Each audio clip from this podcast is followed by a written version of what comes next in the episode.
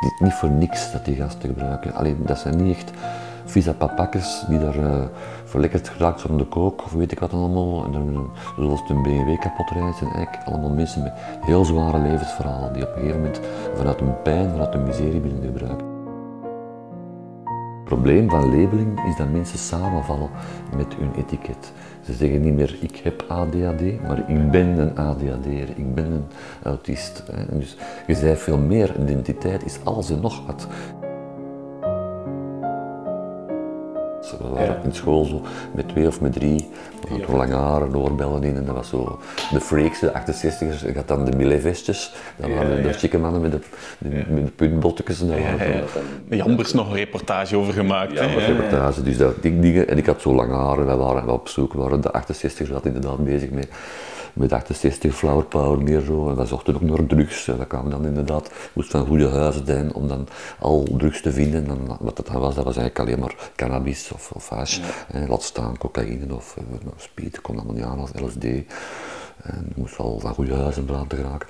Maar in de jaren 90 zie je inderdaad dat er uh, heel wat danstempels komen, grote megadansstempels, uh, Boccaccio hier ook in Gent. Ja. Nieuwe muziek, de housemuziek die opkomt, mm -hmm. komt op. En er komen ook nieuwe drugs op.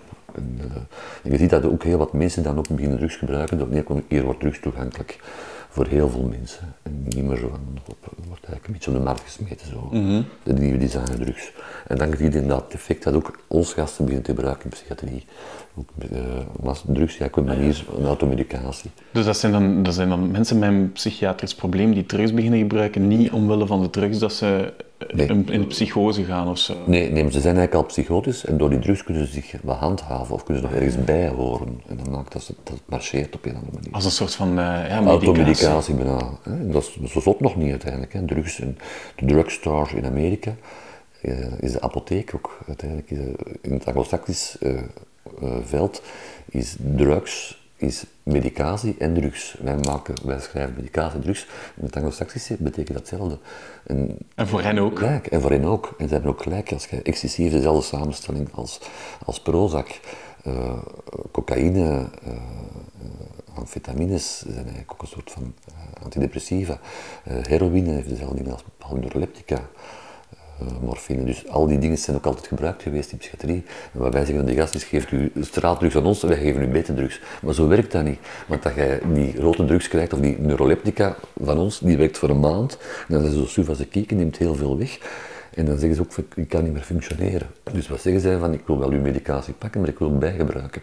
Want dan kan ik een keer performance, want dat vlakt alles af. Dus allemaal zo zond nog niet. Dus ik denk ook dat wij, allee, we hebben voorlopig niks anders. Voor sommige mensen is dat ook wel nodig, uh, medicatie. Maar het is even goed mogelijk, Anthony, dat we binnen 30 jaar zeggen, wat hebben wij met die gasten gedaan?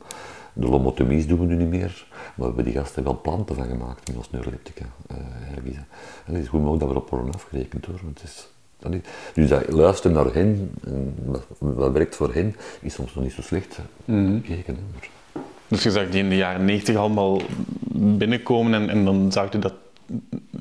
Dat was iets wat je mee ja. aan de slag wou. En, en, dan hebben we de sleutel en de kiem. Ja. Dat zijn de therapeutische gemeenschappen in Gent. Mm -hmm. En dat was van oudsher dat drugsproblematieken naar de sleutel en de kiem gingen. Mm -hmm. En dat um, de gewone psychiatrische zorg, psychische zorg naar de psychiatrie ging. Maar um, dat lukt niet natuurlijk, want uh, in de kiem en de sleutel werken zij niet met psychotische mensen. Dat is heel hard, dat is een heel harde aanpak. Wow, roepen, tieren, uh, schelden, desnoods. Dat is een hele harde manier van werken die voor sommige mensen wel marcheert, maar niet voor psychotische mensen. Dus die gingen van het kastje de muur, die kwamen in de TG's binnen. En dan werden ze buiten gezet, de therapeutische gemeenschap, de sleutel ja. kwam er binnen, werden ze buiten gezet naar de psychiatrie. In de psychiatrie begonnen ze te dealen of te gebruiken. We zijn terug naar de naar de ah, ja, ja. gestuurd, van het kastje aan de muur. Uiteindelijk belanden zij in gevangenissen of, uh, of met zelfmoord. En dan hebben wij op een gegeven moment gezegd in de jaren 90, op ons psychoseafdeling, dat hadden voor psychose mensen, we gaan een afdeling dubbeldiagnose maken. We gaan die gasten ook toelaten bij ons. Ik heb dan teksten beginnen schrijven die eigenlijk nog altijd teksten van Villa Voortman zijn. Dus wij begonnen in de jaren 90 op basis van die teksten hebben wij heel veel geld gekregen. Dus ze krijgen altijd 1 miljoen euro, nog altijd, dus dat is veel geld. Mm daardoor moeten we ook succes halen. Dat is de evidence-based gedachte, good practice. Als jij betaald wordt voor wat, hoort wat. Dus Anthony komt weer binnen voor de, zoveelste, voor de derde keer. Heeft weer gebruikt, ja zeg, we gaan Anthony niet meer oppakken. Hè. Dan Tom, ja, die gaan we misschien nog een kans geven.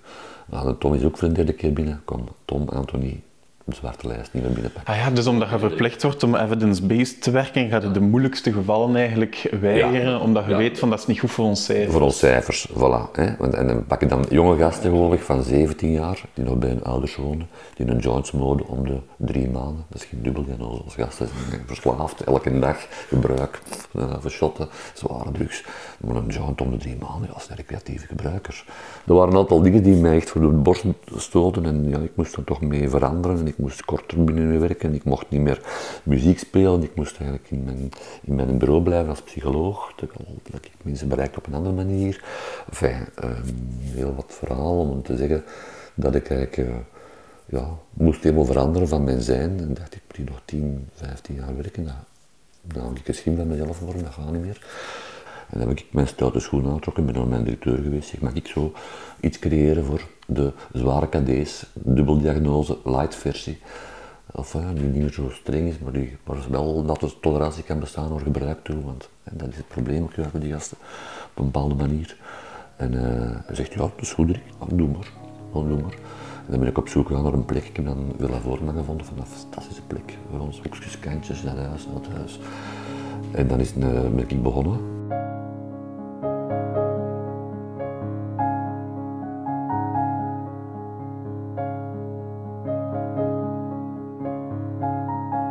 Je zit eigenlijk onder de koepel van een systeem waar dat je eigenlijk ook kritiek op hebt. Um, ik heb geen kritiek op, want ik heb, psychiatrie is noodzakelijk voor ons gasten. Er zijn heel veel gasten die zeggen van Dirk, laat me nu alsjeblieft binnen in de kliniek, want ik ben, uh, ik ben eigenlijk mee aan het doodschotten. Ik ben eigenlijk te veel aan het gebruiken nu, dat zit niet meer goed gewoon. En in het begin moesten wij dan echt van alles doen om ze binnen te krijgen. Nu gaat dat Villa Voortman, ja, dan weten ze, het is maar een weekje, twee weken, en we pakken ze terug. Dus dat is veel goedkoper ook voor een samenleving. Eigenlijk. Want eh, waarom komt heel die inclusiegedachte, artikel 107, is eigenlijk het, het, de psychiatrie deinstitutionaliseren. De vermaatschappelijking, vermaatschappelijking van de zorg. En dat is eigenlijk, Antonie, omdat dat, niet omdat wij nu zo humaan geworden zijn, vooral omdat dat heel veel geld kost. Dus uh, lichtdagprijs, residentiële opvang, bidden, kostte heel veel geld aan een overheid. Dus vandaag is het mantelzorg, vermaatschappelijking. En dat is zeer goed. Dus als mensen behandelen in de samenleving, in plaats van ze eruit te halen. Voilà, wat eruit halen. En dat is zeer goed, denk ik. Maar die psychiatrie blijft nodig in geval van crisis. Maar ik ben wel tegen een psychiatrie die voor die mensen buiten gooit. En, uh, als ze het ook nodig hebben, uh, die zwarte lijsten gebruikt, inderdaad dwang gebruikt en zo, kunnen we allemaal veel menselijker doen. Het is wel paradoxaal dat je, dat je zegt, ik, ik dreig in een burn-out te geraken. En om die burn-out tegen te gaan, wil ik met de zwaarste gevallen alleen werken. Ja, ja, ja, maar ik denk dat juist... Uh, ik denk dat een burn-out komt niet door de zwaarte van het werk en door het feit uh, dat je veel werkt. Een burn-out, weten wij, komt door het feit dat je geen erkenning krijgt voor je werk. Dat helpt me verder en verder moeten doen. Een mens kan heel hard werken als hij baas zegt, goed bezig, tof Dirk, doe voort jong. Uh, dan, krijg je erkenning en dan kun je heel veel aan. Eigenlijk burn-out is niet van, van 60, 70 uur te werken of van hard te werken, maar vooral van eigenlijk zo, het is nooit goed genoeg geweest. Dus geen erkenning te krijgen, waardering te krijgen. En ja, met veel voort maar denk ik de wind in de zeilen. Maar die grote erkenning komt nu eigenlijk pas. Hè? Dus je hebt toch ook een periode zonder veel erkenning, Villa Voortman Absoluut, absoluut. In het begin, Hoe was, hey, waar haalde dan?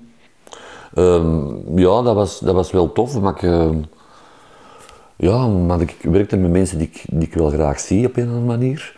En wat ik ook voelde van, uh, als die mensen nergens geen plek krijgen, waar moet je naartoe? En, en, we mochten ook op onze eigen manier een beetje doen. We waren niet verstikt door al die regels in de psychiatrie. Waren honderden regels. We hebben ooit een keer al de regels uitgeschreven van de dubbeldiagnoseafdeling daar. Die gaat opgestart. En we kwamen aan meer dan 300, 400 regels. Dan denk je, waarom zijn al die regels? Om te bemeesteren, om te controle te houden, om te zien dat het niet uit de hand loopt. Mhm. En wij hebben gezegd van, we stappen er vanaf. We gaan nu niet regels opschrijven voor de mensen, we gaan rechten opschrijven, het rechten. Er zijn maar twee regels, geen gebruik en geen geweld.